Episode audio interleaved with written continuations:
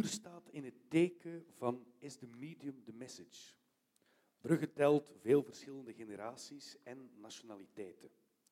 Samen, straks met een panel, panelleden natuurlijk, gaan we spreken over het nieuws, hoe dat tot u wordt gebracht. Samen met hen, drie verschillende mensen die iets te maken hebben met iets artistieks of journalistieks, en dat komt op jullie of tot bij jullie. Jullie krijgen straks ook een korte reportage te zien hier vanuit de wijk. De buurt hier rond de Korf. En dit gebruiken ze met vragen als: Maakt het uit of we het nieuws binnenkrijgen via sociale media, televisie, radio of de krant? En zijn er meer verschillende kanalen? Zou het kunnen dat de manier waarop we naar de wereld kijken eigenlijk wordt beïnvloed door de media? En durf je de vraag te stellen: wie bepaalt wat wij te zien, te horen of te lezen krijgen? Met al deze vragen gaan we straks een panelgesprek voeren, maar nu gaan we eerst een video bekijken van hier in de buurt. Alsjeblieft. Ziezo, dit was de docu hier opgenomen in de buurt rond de Korf. En al die mensen hebben een, ja, een antwoord gegeven op de vraag van hoe komt media bij jou terecht? Hoe komt media bij jou binnen? Hoe ga je met media om?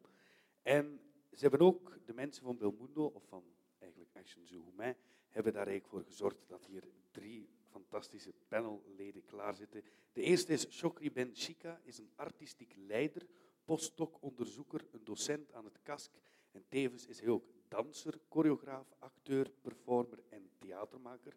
Je mag uh, al uh, aan tafel komen. Uh, de tweede persoon is Eline Spillebeen. Zij is journaliste, documentairemaakster en regisseur.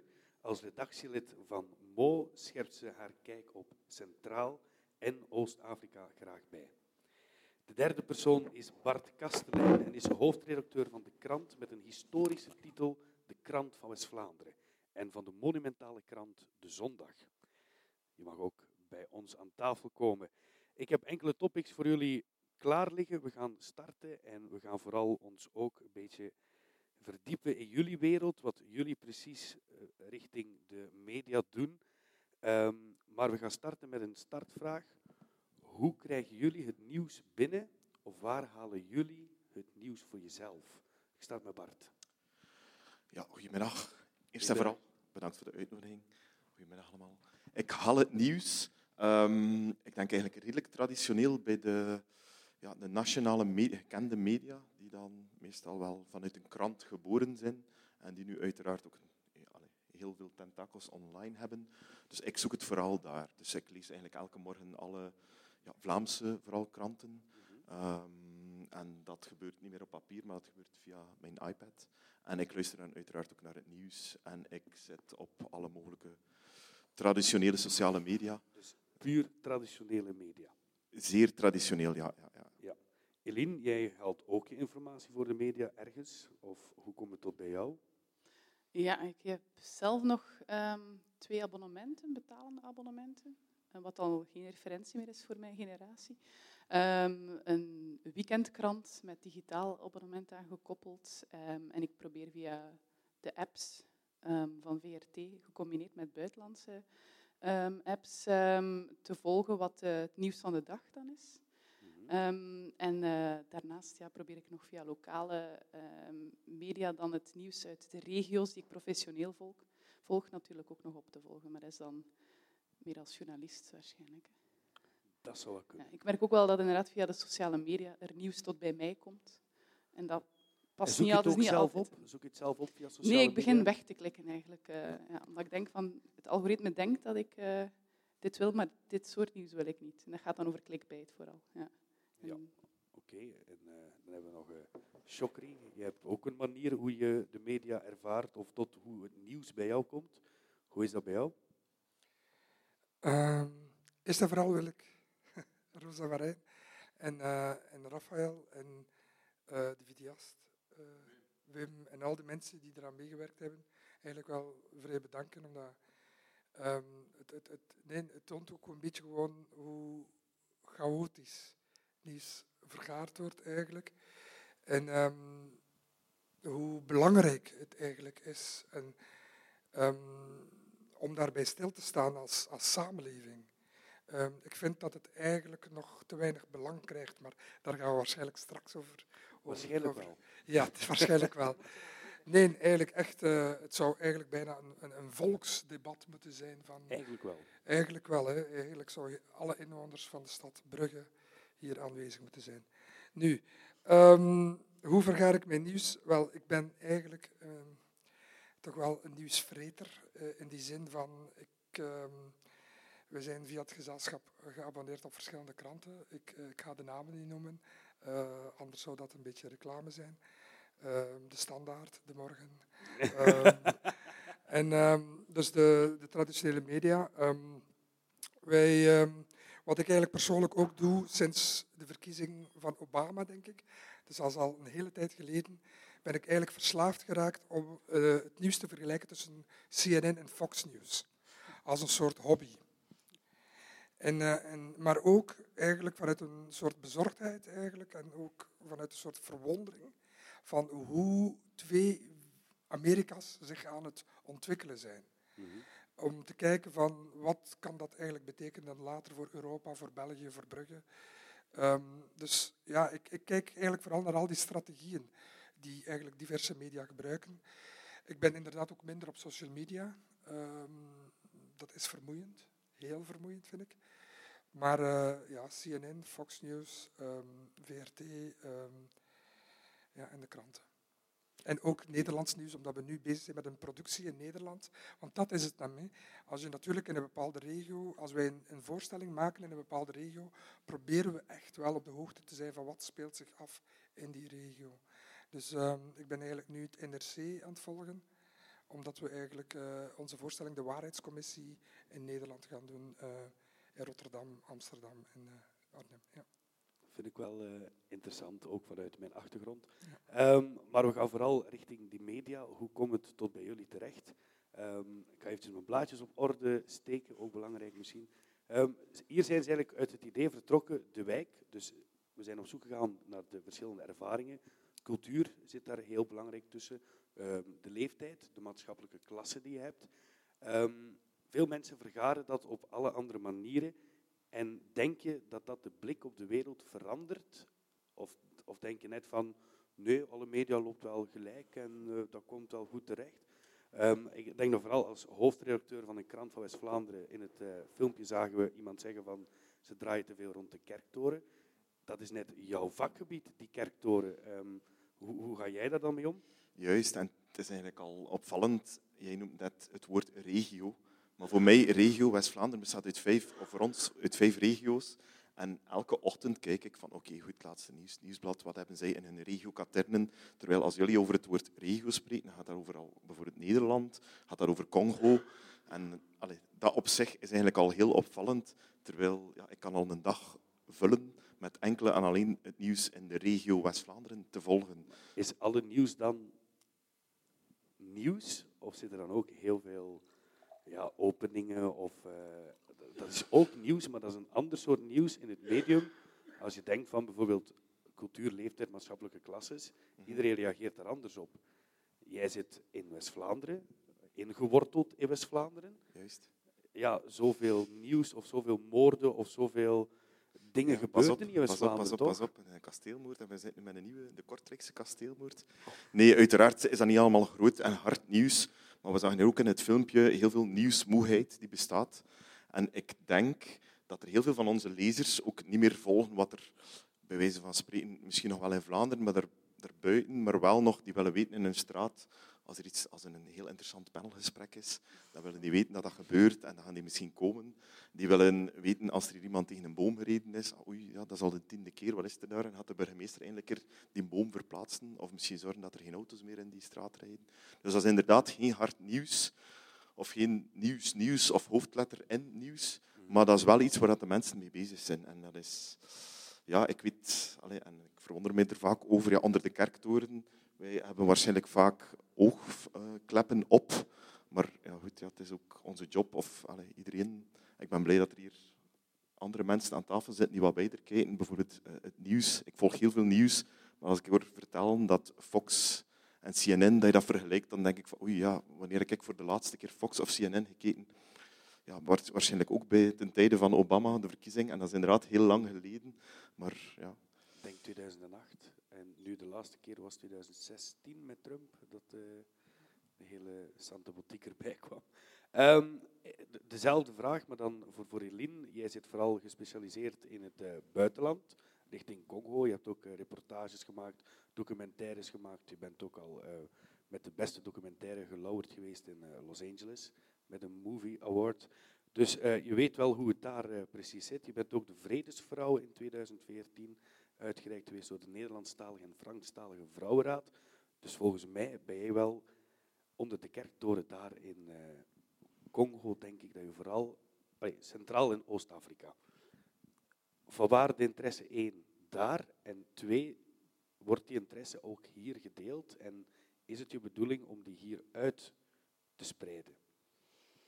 Ja, eh, ik zal misschien ook proberen op te bouwen, omdat in een ideale wereld combineren mensen die verschillende niveaus. Hè. Uh, ben je geïnteresseerd in wat er gebeurt in je straat? Um, ben je geïnteresseerd in wat er op uh, nationaal niveau gebeurt? En, en daar ligt de grote uitdaging voor ons bij Mo, uh, of bij mij persoonlijk ook, ben je ook geïnteresseerd wat lijkt ver van je bed te zijn. Maar ik geloof heel sterk dat dat, de wereld heel klein is en dat er heel veel dynamieken aan elkaar uh, verbonden zijn. Als je mensen hier lokaal in de buurt een mening vraagt over, um, over migratie, bijvoorbeeld, dan, dan, hebben mensen daar een, een, mening over. Maar die migratie staat niet los van wat er gebeurt in de wereld. Uh, mensen migreren uh, meer en zullen meer migreren omwille van conflicten omwille van klimaatverandering. Um, en is het belangrijk om, die, om die, ja, die zaken aan elkaar te kunnen linken. En hoe meer kennis je hebt van dat grotere geheel, hoe sterker je staat, denk ik, als, als burger. Waarom ben ik daar uh, verzeild? Wel, um, omdat voor mij, naar mijn persoonlijke gevoel, klopte niet wat ik las bijvoorbeeld over Congo, Oost-Congo, een gebied waar heel vaak slecht nieuws uit voorkomt, een conflictgebied. En als je daar dan zelf op terrein gaat, dan um, was mijn eerste gevoel, dit, dit klopt niet met wat, um, wat ik altijd hoor uit het gebied. Uiteraard is daar veel conflict en is daar veel, veel geweld en dat moet je vertellen. Um, maar dat is niet het enige. Men portretteert vooral vrouwen en de lokale bevolking altijd heel eenzijdig, was mijn gevoel, als, als slachtoffer, als leidend voorwerp. Dus zo is het bij mij een beetje begonnen.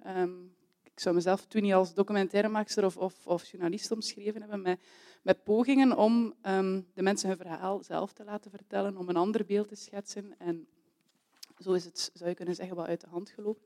En probeer ik dat vandaag nog, nog steeds te doen. Maar het is zeker niet makkelijk op de redactie bij, bij Mo. Ik geef ook altijd het voorbeeld van hoe kunnen wij godsnaam mensen ervan overtuigen dat je iets moet lezen over de oorlog in Jemen. uh, we gebruiken vaak Jemen omdat dat echt een van de moeilijkste landen is, maar het is echt een vergeten conflict waar zoveel slachtoffers vallen. Zelf volg ik bijvoorbeeld ook het conflict in Ethiopië, Tigray. Daar, dat is een, een genocide. Is, okay, je moet voorzichtig zijn met die term, maar daar worden mensen en een bevolkingsgroep zijn die bewust afgesneden van humanitaire hulp. Zijn bloedpaden afgelopen jaar uh, die plaatsgevonden. Er zijn heel veel massagraven gevonden. En toch is het zo moeilijk om, om mensen ja, daarvan over te overtuigen dat je dat moet lezen. Maar, als er morgen meer Eritreërs uh, en Ethiopiërs hier staan... Is dit de taak van de journalist, mensen te overtuigen om iets te lezen? Ja, ik denk dat wel. Um, een van de vragen van de, deze namiddag is ook van um, ja, in hoeverre vertrek je vanuit een eigen wereldbeeld als medium of vanuit bepaalde waarden? Wat is neutraliteit? Wel, ik geloof en um, als, als medium, als journalist, geloof je wel, heb je een eigen set aan waarden en wereldbeeld. Als je dat helemaal niet hebt, dan ben je robot en dan, dan loopt het mis, denk ik ook. Dan, dan laat je je kapen door de algoritmes, denk ik. Dus ik denk gewoon al een set van waarden, mensenrechten bijvoorbeeld, zijn wel een belangrijk fundament van democratie. Um, als je die helemaal in vraag stelt, dan, dan stel je democratie in vraag. En dan uh, denk wel, ik geloof wel, en dan mag je geloven als journalist, dat je ja, bepaalde overtuiging moet hebben van wat is belangrijk om te brengen. Waarom brengt de krant van West-Vlaanderen niet een auto-ongeval in Rusland inderdaad? Dat is omdat jullie geloven dat dit iets is wat mensen zouden moeten of kunnen lezen, ook omdat hen misschien interesseert. Is een wisselwerking. Hè? Wij We gaan denken er ook, heel voilà. dieper op ingaan over waarden en normen van jezelf. Ja. Dus we gaan dat eventjes on hold zetten. En ik zou nu de vraag opnieuw willen stellen aan Chokri van hoe zorg jij dat met jouw projecten, met jouw verhalen, die, want je bent ook ergens journalist, maar ik zie vooral heel veel andere dingen. En vooral in het artistieke, waarin je ook eigenlijk wel durft het, het journalistieke erin te verwerken en te tonen aan de mensen. Hoe zorg je dat die mensen toch bij jou terechtkomen en ook jouw verhaal aanhoren? Goeie vraag. Goeie vraag. Ehm, het ding is inderdaad, ehm, dat is inderdaad met ons gezelschap, met, met Action Zoïma, en niet alleen ons gezelschap doet dat. Bedoel, er zijn nog wel andere kunstenaars of kunstenaarsgroepen die op een bepaald moment wel het belang ervan inzien van, um, van informatie vergaren, van journalistiek, van lokale of, of, internationale journalistiek.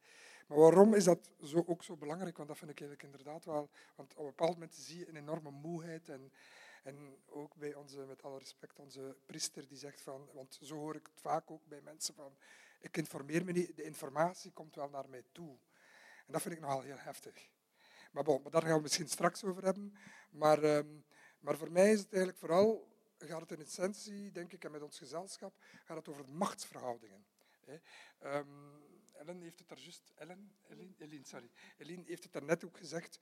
Je hebt eigenlijk een aantal waarden inderdaad mensenrechten zijn er, democratie is er en weet ik wat allemaal. En die, je voelt dat er eigenlijk in de machtsverhoudingen die er zijn, lokaal en nationaal en internationaal, dat eigenlijk ehm, door economische belangen of door politieke belangen, dat die ontwricht zijn, dat die in, in, niet in evenwicht zijn. Dat er eigenlijk, dat degene die in feite ehm, een soort van discriminatie of een soort van uh, ongelijkheid of, uh, of nog uh, ergere dingen, um, dat die vaak de macht van de media, laten we zeggen, naar zich toe trekken.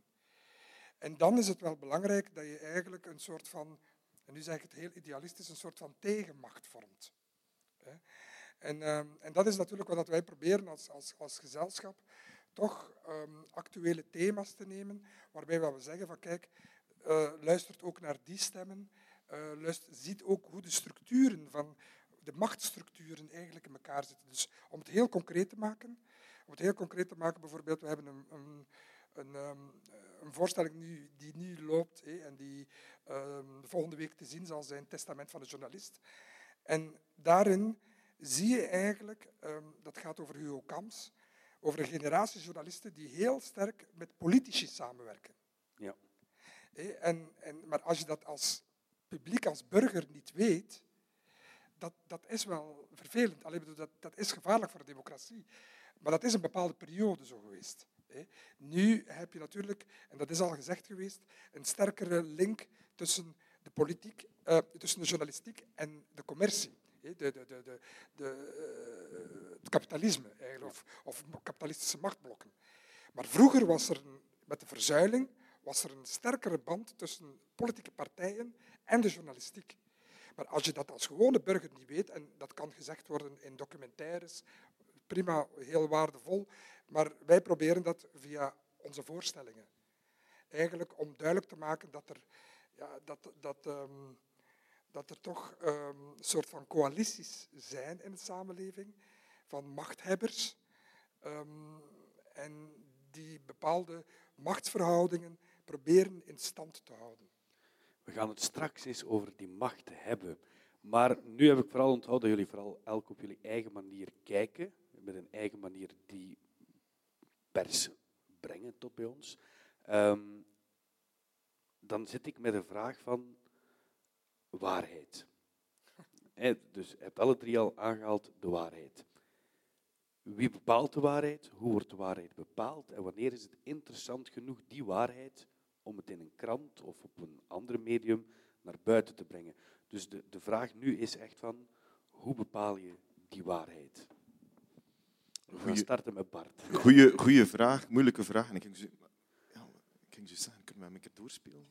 Dat nee, we gaan echt gewoon de journalist, de, de eindredacteur, de man die eigenlijk beslist ja. wat er in zijn krant komt, denk mm -hmm. ik dat ik het niet beter kan stellen dan aan jou. Ja, maar ik moet eerlijk toegeven, ik ben, niet dagelijks, ik ben dagelijks bezig met kranten maken, met nieuws brengen, maar ik ben niet dagelijks bezig met denken van oké, goed, wat is de waarheid en breng ik hier wel de waarheid? Uiteraard zijn we wel elke dag bezig met is wat wij brengen wel juist? Is, wel, uh, is het correct? kan het gecheckt worden? Is het gecheckt? Van oké, goed. En dan zijn de feiten de feiten. En, ehm, maar ja, ik weet niet, ik kijk eens even naast mij. Of dat er dan misschien buiten West-Vlaanderen andere inzichten zijn. Um, maar nee, en ik denk ook op onze redactie, daar werkt uh, bijna 50 man, of man slash vrouw. Maar ook daar is er niet zo'n beweging, alhoewel dat wij inderdaad ook wel vaak, en zeker in de coronatijd, mails en reacties kregen op sociale media van oh, ja, jullie zeggen maar wat dat de overheid zegt, dat jullie moeten zeggen. Terwijl, ja, kijk, ik kan dat hier met het, de hand eh, op het hart zeggen van oké, wij werden niet gestuurd door de regering, maar allee, ook dan niet toch, door uh, Mark van bijvoorbeeld? Ook niet door Mark van En uiteraard, als we dan zoveel jaar later wat kritisch mogen zijn, denk ik dat we daar misschien wat te laks meegegaan zijn. En, maar goed, het was dan ook zo'n ongelooflijke situatie. Nooit eerder gebeurd. Voilà.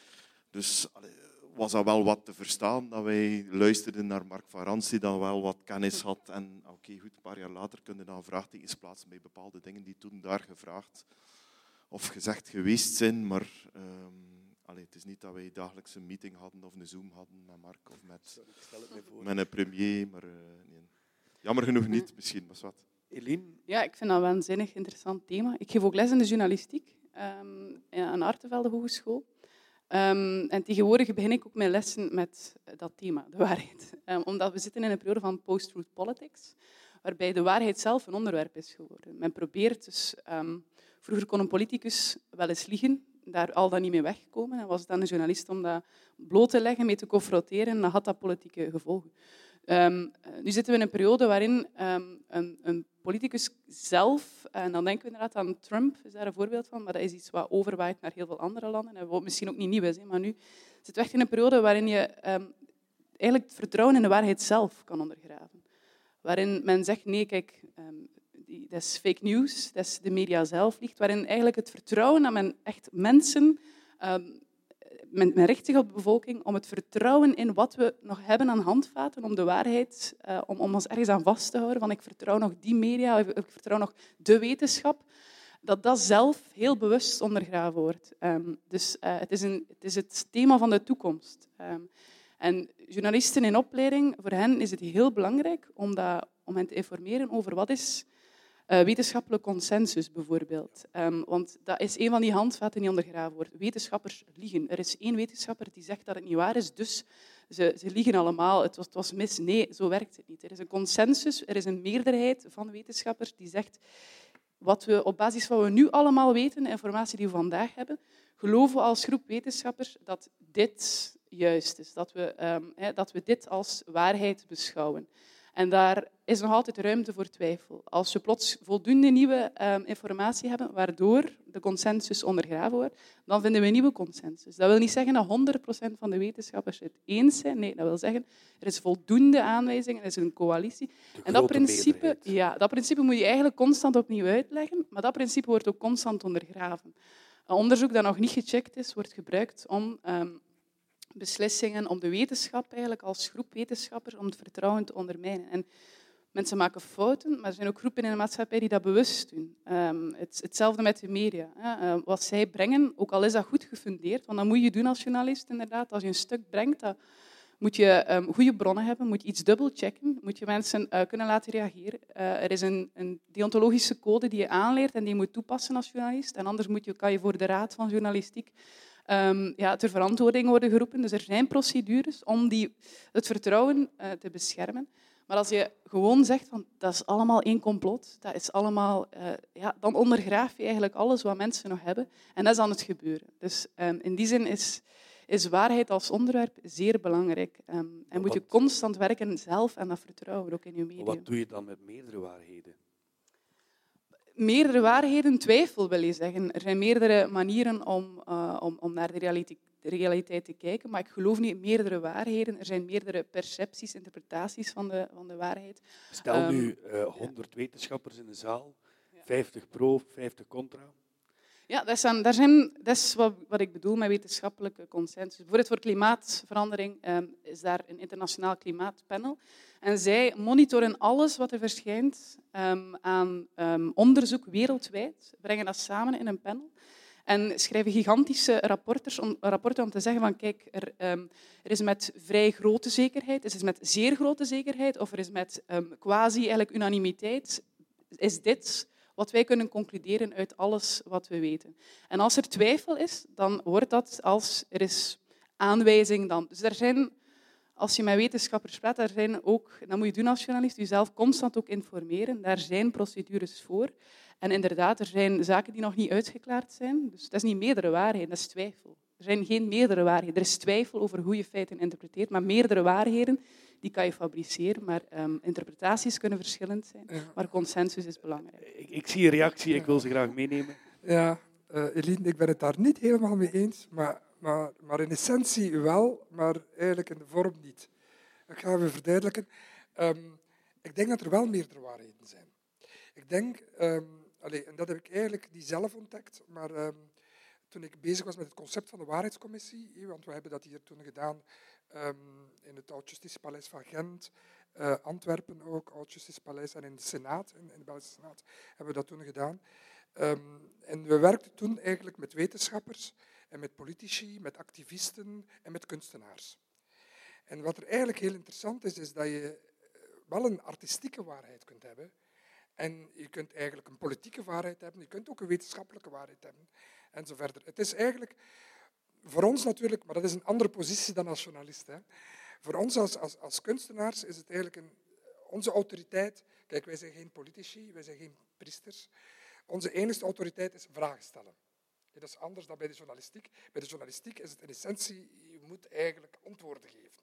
Wij moeten de juiste vragen stellen in de samenleving. Maar de procedure is eigenlijk wel min of meer hetzelfde, in die zin van de weg tot wat je wilt bereiken. namelijk het kritisch denken van het publiek. En, ehm, maar er zijn wel, je merkt wel dat er verschillende waarheden zijn. Kijk, ehm, als, om maar een voorbeeld te geven, als ik een, een, een, een goede voorstelling, als een voorstelling goed lukt, uh, en, en, dat gebeurt soms, um, dan heb je op het einde mensen je hebt een eindscène en, en, dan heb je een eindscène en dat kan een dans zijn of um, dat kan een beeld zijn. En mensen zeggen van, ja, natuurlijk zit de wereld zo in elkaar. En je krijgt eigenlijk een vorm van catharsis. Dat is een waarheid op dat moment. Maar natuurlijk is dat niet de waarheid. Snap je? Want het is eigenlijk, maar iedereen en begint te huilen en die zegt van, zo zit liefde in elkaar. Voilà, en dat ga ik thuis zeggen. De dag erop heb je daar weer een andere mening over.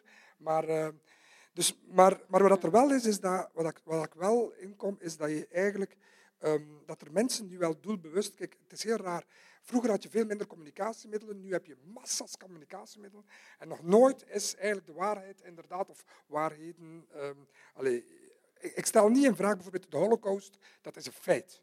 Ja? ik denk dat we een andere definitie van waarheid. Je hebt feiten natuurlijk en de, de, vertrouwen in en je hebt ervaring, zou ik het dan noemen, hoe je dingen ervaart of leest, interpretaties van de werkelijkheid. Dat, die kunnen verschillend zijn. Absoluut. En je hebt, je hebt de subjectieve waarheid. Ik bedoel, mensen zeggen van, ik voel dat zo. Dat, de, de, ja, bedoel, dat moet je dan... Inderdaad, in coronatijd is daar weinig, te weinig aandacht voor geweest. Van mensen die dat eigenlijk zeiden van, ik geloof dat echt. En dat werd dan meteen weggezet en zo. Maar uh, dat was ook een crisismoment. Maar je hebt dus eigenlijk al die verschillende waarheden. Maar waar ik eigenlijk naartoe wil, is dat je op een duur door al die verhoging van communicatiemiddelen en zo verder, dat men niet komt tot de juiste vragen stellen. Nog, allez, dat is ook lastig binnen de journalistiek. En, en, en dat men komt tot de juiste vragen, de essentiële vragen in de democratie. Want nu krijg je soms totaal verkeerde vragen. Hè. Bijvoorbeeld, um, weet je, uh, rond racisme bijvoorbeeld. Er zijn een aantal uitspraken. weet ik Er is een wetgeving tegen racisme. We gaan niet, we gaan niet marchanderen van, is het nu toelaatbaar in de samenleving? Er is een wetgeving. En anders moet dat, die wetgeving veranderen. Maar er bestaat een antiracisme of een anti-seksistische um, uh, wetgeving.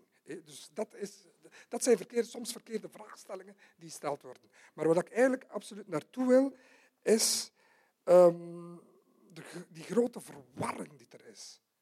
En dat, wordt, die, wordt die verwarring niet die bepaald door sponsors, eigenaars, politiek in, in, in de media, die daar wel een vinger daar, in Ja, wel, maar dat is de essentie. Trump die, die was heel bewust van de verwarring dat hij had veroorzaakt. Eigenlijk was hij een beetje de artiest aan het uithangen. Eigenlijk, hè. Want hij gebruikte een soort van verwarring, hij gebruikte fictie, realiteit door elkaar.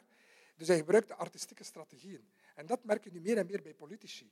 Maar er, ervaren onze journalisten dit ook, dat er wel af en toe een druk is van enerzijds de maatschappij, anderzijds een, een, een, een sponsor die, die ergens met geldbelangen bezig is bij jullie, in jullie vak.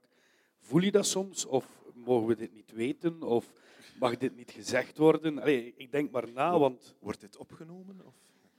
Achter, uh, achter dit zwarte doek zit een heel systeem. Oké, nee, maar uh, ook daar, uh, nee. Ik ervaar dat zelf niet zo. Dat er, uiteraard hebben wij uh, staat er een CEO aan het hoofd van onze uitgeverij, maar het is niet dat die, we hebben ook niet met hem elke dag een Zoom-gesprek of zo. Of uh, ik krijg niet door wat wel en niet in de krant mag, absoluut niet. er zijn wel twee mediablokken hè, in, in Vlaanderen. Er zijn wat kranten betreft twee mediablokken. De krant van West-Vlaanderen zelf zit dan bij Rolarta, dat is eerder dan een magazineblok. en ja, nee, maar ook Uiteraard hebben wij adverteerders en staan er advertenties in onze krant, maar dat is allee, perfect gescheiden bij ons. En ik vermoed in Vlaanderen dat dat echt wel uh, meevalt. Kijk, Eline kijkt bedenkelijk. Nee, nee. ja, eh, je kan, als je dat vergelijkt met het buitenland, inderdaad, zijn daar veel hallucinantere verhalen te rapen. Denk maar aan de Rupert, Rupert Murdoch-imperiums. Dus, uh, uh, ja, de Brexit je ziet daar echt wel dat als zo'n mediamagnaat anti-Europees is en, en zeer bewust dan redacties pusht om anti-Europese wetgeving, um, uh, sorry, berichtgeving um, um, een plaats te geven, dat, dat dat zijn gevolgen heeft, hè, politiek. dus dat is wel een voorbeeld van, van dat sommige kranten dat meer ervaren dan anderen. Dat dat zeker wel gebeurt, dat bepaalde dingen uh, mogen of niet mogen gebracht worden. Uh, Fox News inderdaad. Um, um, er, er, zijn genoeg voorbeelden wereldwijd. In... Kunnen we het even in, in, in Vlaanderen houden? Je hebt hier toch ook de linkse kranten en magazines en de rechtse kranten en magazines? Wel, die blokken inderdaad. Um, ik weet niet in hoeverre, ik denk dat dat ook het profiel van de journalisten dan en, en hun wereldbeeld of zo Um, misschien ook wel een zekere zelfcensuur of keuzes van onderwerpen, um, dat ze ze daardoor anders ma zullen maken. In het verleden is er inderdaad wel een zeer sterke band geweest tussen politici en journalisten.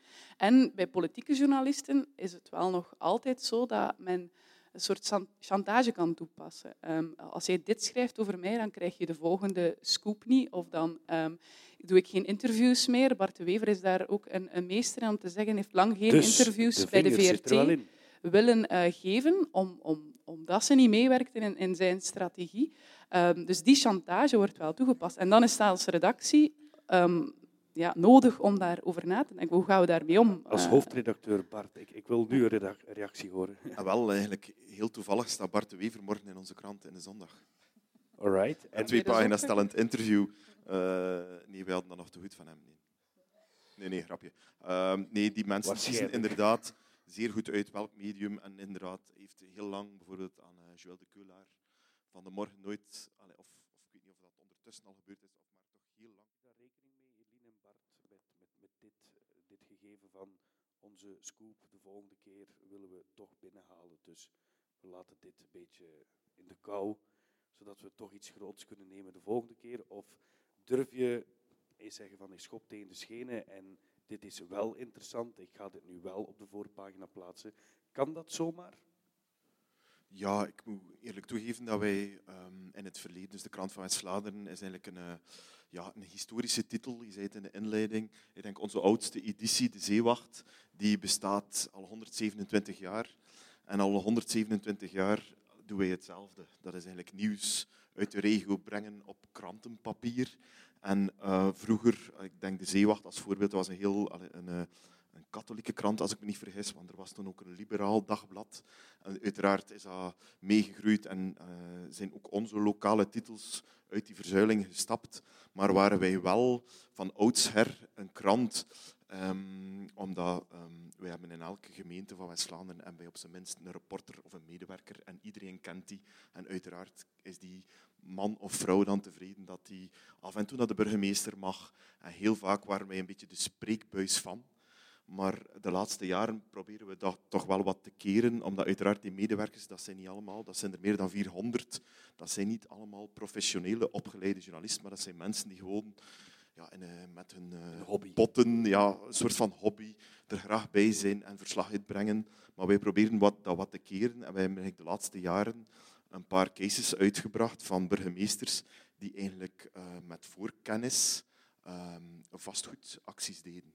Eh, en uiteraard waren die burgemeesters niet allemaal tevreden dat wij dat deden. En zij waren dat ook niet gewoon. Maar allee, de krant van West-Vlaanderen, jullie moeten toch dat soort nieuws, allee, waar beginnen jullie nu aan?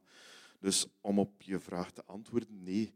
En uiteraard is dat soms moeilijk en is dat soms makkelijker om te gaan een foto nemen van een lintje, lintje dat geknipt wordt, dan om zoiets ja, uit te spitten. Ehm, maar ik vind wel dat het moet gebeuren. En ik denk dat dat ook wel wat onze taak is als, als media. Wel, En- we, we gaan dit vasthouden. Dat de taak van de media.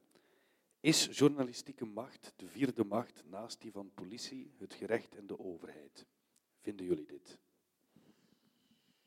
Ehm, ja, maar zoals ook al aangegeven is in de video, ehm, die, die zuil, zeg maar, of die, die machtspeler is, wordt, ja, is niet meer zo sterk doordat de sociale media ehm, heel veel kansen biedt aan heel veel andere spelers om op een gelijkaardige manier ehm, het werk te doen. Dus in die zin, dat is al één bedenking. Maar ehm, het, is natuurlijk ehm, een machtspijler, omdat hij de andere machten in vraag kan stellen, kan doen wankelen. Dus in die zin bepaalt hij ook inderdaad wat, kan hij bepalend zijn voor wat, wat mensen stemmen of wat mensen denken. eh. Eh, dus dat geeft een positie van macht. Vandaar dat die deontologie zo, zo belangrijk is. ehm, van hoe ga je daarmee om en, en wat kan je wel en niet doen als journalist. En dat is een constante zoektocht natuurlijk, omdat je natuurlijk macht hebt over het denken van mensen. Al is die rol zeer sterk, zoals ik al zei, eh, aan het veranderen. Dus daar, daar, daar moet je net heel erg van bewust zijn als journalist. Eén, dat het macht geeft, maar twee, dat het verandert. Naast u zit een kop te, te schudden. En, en, en vraag was eigenlijk nee, nee. aan jou. Maar er gaat, er gaat van alles door mijn hoofd. Maar, maar het lijkt al zo. Allee, ik moet wel een beetje oppassen. Ik bedoel, in Vlaanderen, als je dat vergelijkt met de Verenigde Staten, maar je mogen echt vrij content zijn. Allee, ik bedoel, in België. Oké, dank u. Maar toch moeten we blijven kritisch zijn natuurlijk. En als ik die interviews, allee, met het project Testament van de Journalist, als wij die interviews deden met Hugo Kams, dan zei ook Kams van kijk, luister Chokri, onze journalistiek in de jaren 60, 70, 80, 90 was witte journalistiek. Ja? Mensen, mijn ouders, die zijn hier gekomen in de jaren 60. En dan zijn er nog wel heel wat mensen gekomen om, om mee bij te dragen aan, aan de Vlaamse, aan de Belgische economie. Dat was geen issue. Dat was geen, allee, dat, dat, die bestonden niet. Die bestonden ook niet in de redactie trouwens. Vrouwen bestonden ook niet in de redactie toen. Maar, maar dat is wel heftig. Allee, tot diep in de jaren 90, tot 2000. Nu geleidelijk aan beginnen die mensen te bestaan. Daarom vind ik het zeer goed in het filmpje dat het eindigt met mensen met een migratieachtergrond van wat nu? Ehm, en, en, en dat begint zich te keren, eigenlijk meer en meer, dat die mensen bestaan, dat, die, dat het mensen zijn. Want zolang dat je niet ziet in de media dat dat ook mensen zijn, kunnen die ook heel gemakkelijk ontmenselijkt worden. En dat bedoel ik met, die, met de propaganda van het Vlaams Belang. Nu, ehm, die macht, ehm, en daar moeten we gewoon eerlijk in zijn, maar wij zijn natuurlijk kunstenaars, wij kunnen ook om het even, allee, wij kunnen daar vrijuit in spreken. Maar ik weet heel goed dat er is ehm, een strijd aan de gang binnen de media. In verschillende kranten, in verschillende, bij verschillende zenders. Er is een strijd aan de hand. En ik weet niet of je het, ding is, het artikel gelezen hebt, dat is eigenlijk de slechtst betaalde beroep eigenlijk en, en de meeste depressies. En, de meeste- Ja, en dat is wel heel heftig, want het is inderdaad de vierde macht. Maar als je met mensen zit die slecht betaald zijn, die, die overuren moeten doen, die depressies hebben, dan weet ik wat allemaal. Wat is dan je vierde macht? Die moet controleren, inderdaad. Het doet mij plezier dat die burgemeesters ook gecontroleerd worden. Maar, eh, maar die onderzoeksjournalistiek is ongelooflijk fundamenteel belangrijk voor de democratie. En als je dan leest in de krant dat dat eigenlijk het slechtst betaald beroep is. En, en, en, en, en dat die eigenlijk allee, soms als grofvuil op straat gezet worden en zo verder. Dat, allee, ik vind dat eigenlijk echt zeer verontrustend. Ja, maar dat komt natuurlijk omdat minder en minder mensen bereid zijn om te betalen voor nieuws. En dat is een soort van visieuze cirkel, want onderzoeksjournalistiek, dat is heel dure journalistiek, Maar ja, uiteraard is het gemakkelijker om naar een burgemeester te gaan en oké, lintje geknipt en wat heb je allemaal gedaan en uh, bravo en chapeau. Dat is veel makkelijker, veel goedkoper dan echt, oké, goed, waar is die... Allee, niet dat alle burgemeesters uh, corrupte mensen zijn, in tegendeel, maar allee, om maar het voorbeeld te geven. Dus dat is eigenlijk wel iets... En ook, we zagen het ook in het filmpje, heel veel mensen gebruiken allee, sociale online media die Allee, uiteraard niet allemaal. Je uh, hebt ook wel paywalls. En... Ik, ik, heb al een, een, oplossing. Stel nu dat we een beetje van die partijfinanciering, want het gaat ja, over maar we gaan miljoenen niet de politieke minder, en dat, op, geeft, en, dat, en dat geeft aan de journalisten. Dan, dan we, gaan, we, gaan het, uh, we gaan het uh, hier bij, met deze... Ik was nogthans pro. Ja, oké. Okay. En misschien nog mensen pro, maar we zijn niet op een politiek debat te voeren. Um, maar wat gaan we doen naar de burger toe om die overload aan informatie misschien toch ergens te kanaliseren. Mooie ideeën met financieel plan, maar hoe ga je naar de burger? Televisie, gsm, geschreven per TikTok, Instagram, Facebook, alles. Snapchat ondertussen ook al. Uh, het komt overal binnen. Elke middag een mail, elke avond een mail, uh, elke ochtend een mail. Um, uh, ik krijg elke, elke dag een paar mails. Ik bedoel, Bart Kastelein ondertekent die dan. En dan ben ik benieuwd of hij de mail zelf maakt. Maar die komen wel binnen. Um, hoe gaan jullie dat doen, om, of hoe kunnen jullie dat doen, artistiek, journalistiek, om die mensen ergens gewoon een kleinere pot te geven om in te zoeken? Want het is echt wel ruim geworden. Vroeger was er enkel televisie, later, eerst krant, later televisie, radio zat er ook nog tussen. Nu hebben we heel het spectrum. Er moet toch ergens iets veranderen, want op die manier loopt het toch vroeg of laat eens mis, of niet? Um, Bart, Chokri, ik denk dat we toch verder moeten op, op het thema van financiering. Want um, inderdaad, inderdaad dat, dat, is cruciaal. Hè. Als je op zoveel... Het gaat niet meer over, als medium moet je niet enkel je krant vullen. Je moet ook gaan waar de, de mensen zitten. En dat is op die sociale media. En dat vraagt eigenlijk een verdubbeling van je redactievloer. Maar dat geld is er niet. Want mensen betalen minder voor die kranten. En op social media is het gratis. Als je ziet dat nu de jeugd vooral op Instagram nieuws vindt, Instagram is al niet meer met doorklikken. Je kan nog, maar het is al zeer omslachtig. Het is niet gemaakt om door te klikken. Dus met andere woorden, mensen moeten in vier slides of in een story hun nieuws krijgen. Dat brengt niets op. Um, daar, daar, daar, verdien je niets mee. Um, dus dat is een heel, heel moeilijk evenwicht. En dat is eigenlijk bijna een zelfmoordoperatie voor, voor de media. Moeten we misschien nadenken om het heruit te vinden? Het, uh, het, medium? Ik denk, ik denk dat dat constant gebeurt. Dat elk uh, medium zichzelf constant moet uitvinden om, maar nu is omdat het, het apart. Nu is, nu is, het elk voor zijn eigen, nu is het elk apart. We, uh, de, de, de, VRT heeft de Nieuws, Nieuws, Nieuws. VTM heeft HLN Live nu, die eigenlijk ook onderdeel is van, van DPG Media. Dus alles wordt toch aan elkaar gelinkt. Ze hebben gewoon elk een eigen kanaal. Ja, maar het vraagt meer mensen. Het vraagt meer mensen om dat allemaal samen te doen. Je hebt nog altijd de journalist, maar je hebt een hele ploeg aan communicatiemedewerkers, aan social media medewerkers. Dus met andere woorden, het vraagt gewoon veel meer mankracht. En um, dat, dat, is er niet. En dan omgekeerd uh, zit je met het probleem um, dat de meeste media afhankelijk zijn dan, als je niet van de betalende abonnees hebt, van de advertenties. en die advertenties natuurlijk, ja, die, die gaan per klik. Um, dus dat heeft een impact op welke um, items je brengt. Um, je ziet als je op social media, en daarom klik ik ze weg, om er algoritmes een beetje aan te vechten, maar als je ziet welke uh, gesponsorde items zijn, dat zijn allemaal titels waarvan je net niet genoeg weet uh, en dat je eigenlijk moet doorklikken om, om, het, eh, om te weten waar het nu eigenlijk over gaat. Men probeert u te triggeren um, en bepaalde items die volgens mij niet altijd maatschappelijk relevant zijn, of die niet inderdaad, de, die zijn niet politiek, of die gaan niet de maatschappij of de macht in vraag stellen.